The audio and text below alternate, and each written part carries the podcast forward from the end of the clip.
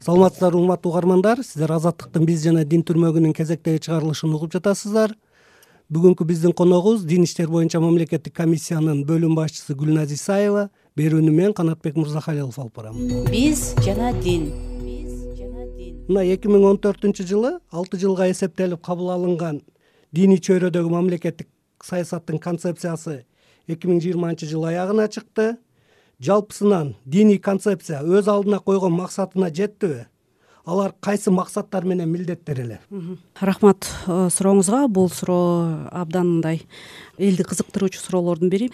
Негизги үч багыт коюлган ал жерде бул э, мамлекет тарабынан диний уюмдардын ишмердүүлүгүн жөнгө салуу экинчиси э, диний э, диний жана дин таануу билим берүү тармагын жакшыртуу жана үчүнчүсү бул радикализм экстремизмдин алдын алуу деп көп коюлган максаттар ишке ашты.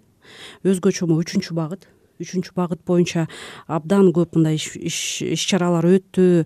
Түшүндүрүү иш чаралар эгер могу жалпысынан алсак бир отуз жети миңден ашуун иш чаралар болуптур да. Ушу ушул мына радикализм экстремизмдин алдын алуу боюнча. Анан өзүңүздөр билесиздер жакшы бул концепциянын кабыл алган жылдары ал убакта абдан ушул экстремизм мындай бир өтө кооптуу маселелердин бири эле. Дин чөйрөсүндөгү мамлекеттик саясаттын бирден бир ушул азайтуу Э, алдын алуу коюлган. Э, билесиздер ал убакта могу биздин ирак сирияга чыгып кеткен жаштар өзгөчө мына чыгып кеткендин арасында э, билесиздер могу биздин күч органдары берген статистика боюнча билесиздер жыйырма үчтөн жыйырма беш пайызына чейин аялдар деп түзөт деген ушундай эмелер болгон үчүн көрүнүштөр. Буга ушундай аябай көп басым жасалды да. Дагы бир эң чоң багытынын бири бул диний чөйрөгө тиешелүү болгон маселелерди камтыган укуктук. Ченемдик актыларды жана биринчи багытка кабыл алуу болгон. Анын алкагында дин эркиндиги диний билим берүү диний радикализмдин алдын алуу боюнча кандай документтер иштелип чыкты? Аларды кабыл алуу кандай тартипте жүргүзүлдү? Ушул концепциянын алкагында жок дегенде бир документ кабыл алынып бүгүнкү күндө иштеп жатабы? Ушу дин чөйрөсүндө э, бул концепциянын алкагында э, бир катар э, жоболор жанагы азыркы сиз айтып өткөн дин тутуу эркиндиги жана диний уюмдар жөнүндө мыйзамга өзгөртүүлөр ушулардын баары иштелип чыкты долбоор болуп.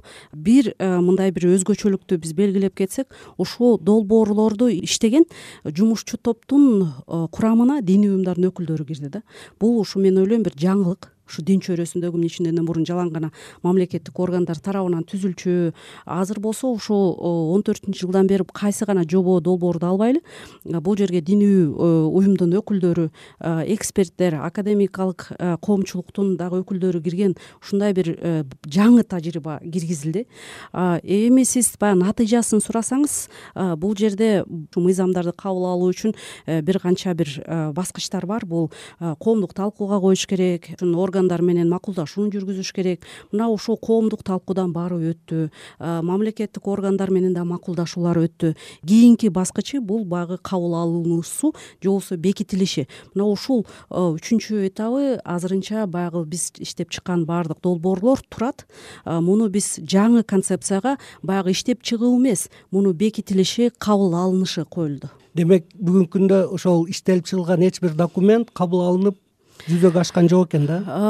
Муну биз кабыл алынып жүзөгө ашкан жок деп айтсак дагы мындай туура эмесирээк болот. Чын дегенде эгер биз дин тутуу эркиндигин алсак ал жерде мыйзам бар мыйзам иштеп атат. Буга азыркы учурда ушу баягы эсептик каттоону жеңилдетүү максатында билесиздер эки миң сегизинчи жылы кабыл алынган мыйзамда бекитилген мыйзамда жергиликтүү бийлик менен макулдашуу бар эле э, кеңеш менен.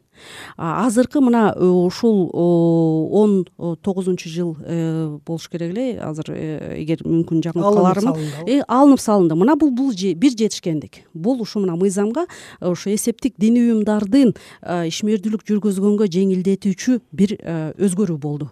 Азыр мына ошондой баягы билесиздер көп учурларда ушу жергиликтүү кеңеш жок. Биз каалабайбыз же болбосо биз карабайбыз же болбосо биздин процедурабыз жок деген ушундай бир мындай созуу Э, тажрыйбалары бар эле.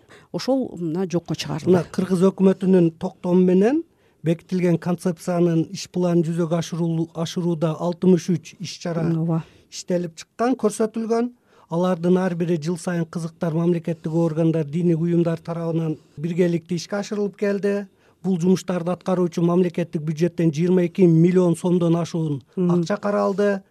Эми өлкөдөгү экономикалык абалды пандемия шартын эске алуу менен биз мына бюджеттен бөлүнгөн акча каражаттарын айтпай эле туралык бирок жөн гана концепциянын иш планында көрсөтүлгөн пункттардын канчалык деңгээлде аткарылуусун айтып берсеңиз алардын эң орчундуулары кайсылар болду? Негизги аткаруучу бул дин комиссия болду.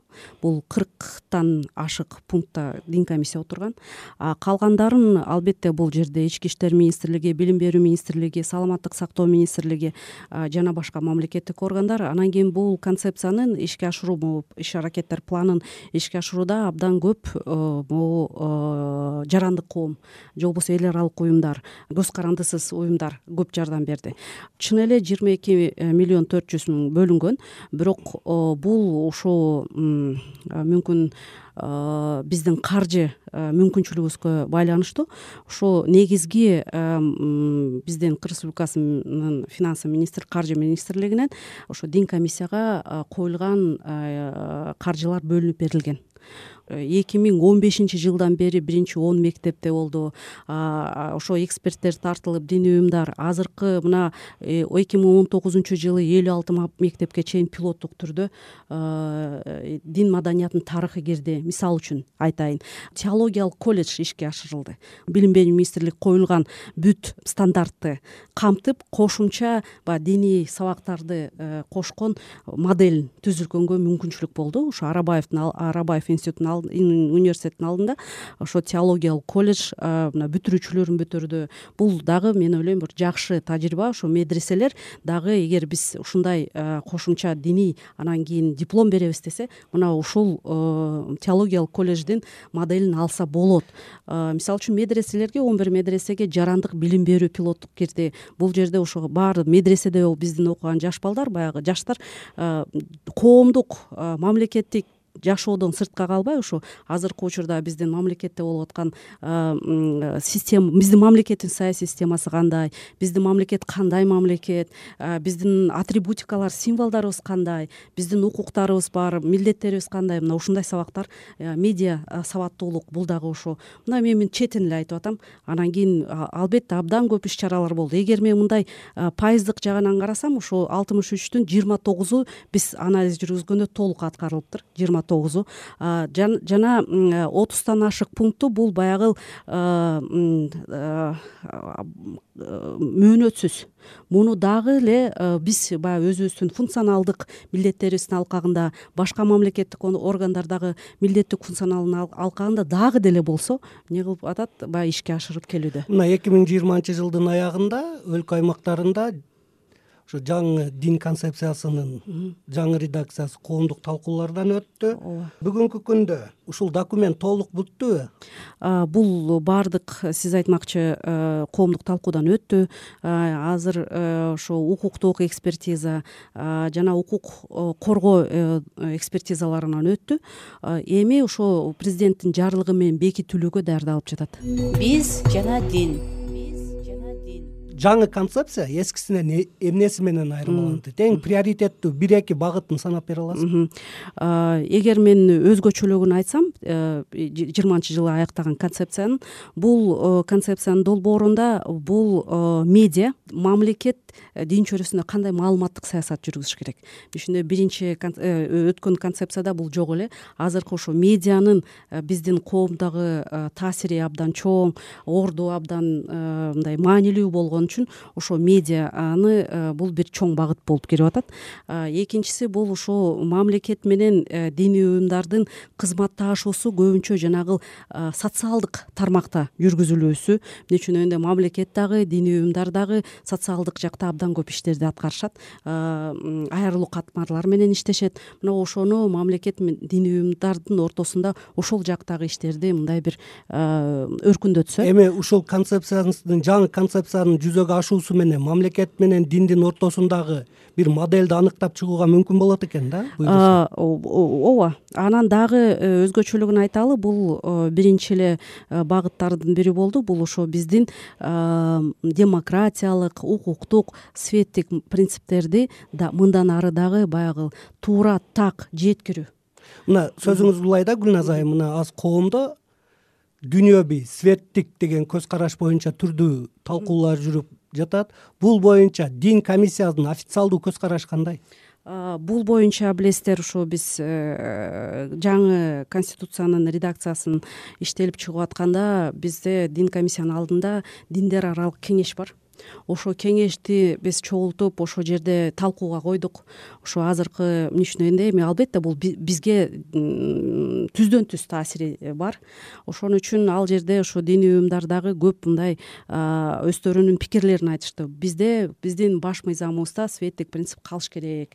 Эмне үчүн бизде мамлекет баарыбызга бейтарап мамиле кылыш керек. Биздин ар кыргызстанда жашаган ар бир адам дин тутууга жана эч бир динди тутпоого мындай укугу калыш керек эркиндик калыш керек деген. Мамлекет биздин диний уюмдун ички ишмердүүлүгүнө кийлигишпеш керек. Мына ушул принциптерди биз э, албетте эске алып э, биз ошо дин комиссиясы э, дин комиссиянын алдындагы конфессиялар аралык кеңештин атынан кайрылуу жасадык конституциялык кеңешмеге. Ал жерге ошол сактап калышы максаттуу деп эмнеге ошо баардык себептерин көрсөтүп.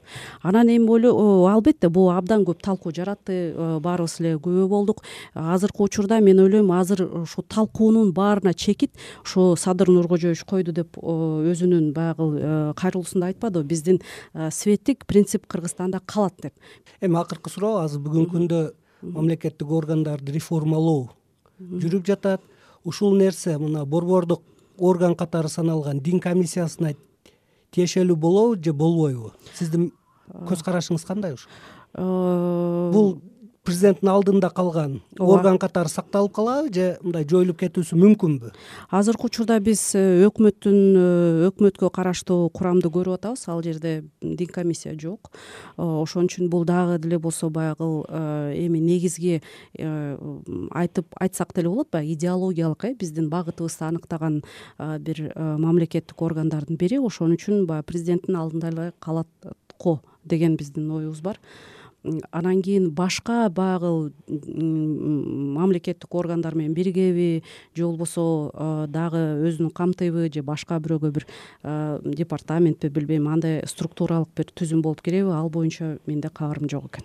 Убактыңызды бөлүп бизге маек бергениңизге ыраазычылык билдирем. Урматтуу угармандар сиздер азаттыктын биз жана дин түрмөгүнүн кезектеги чыгарылышын уктуңуздар биздин суроолорго дин иштери боюнча мамлекеттик комиссиянын бөлүм башчысы гүлназ исаева жооп берди. Берүүнү мен канатбек мырзахалилов алып бардым. Саламатта калыңыздар.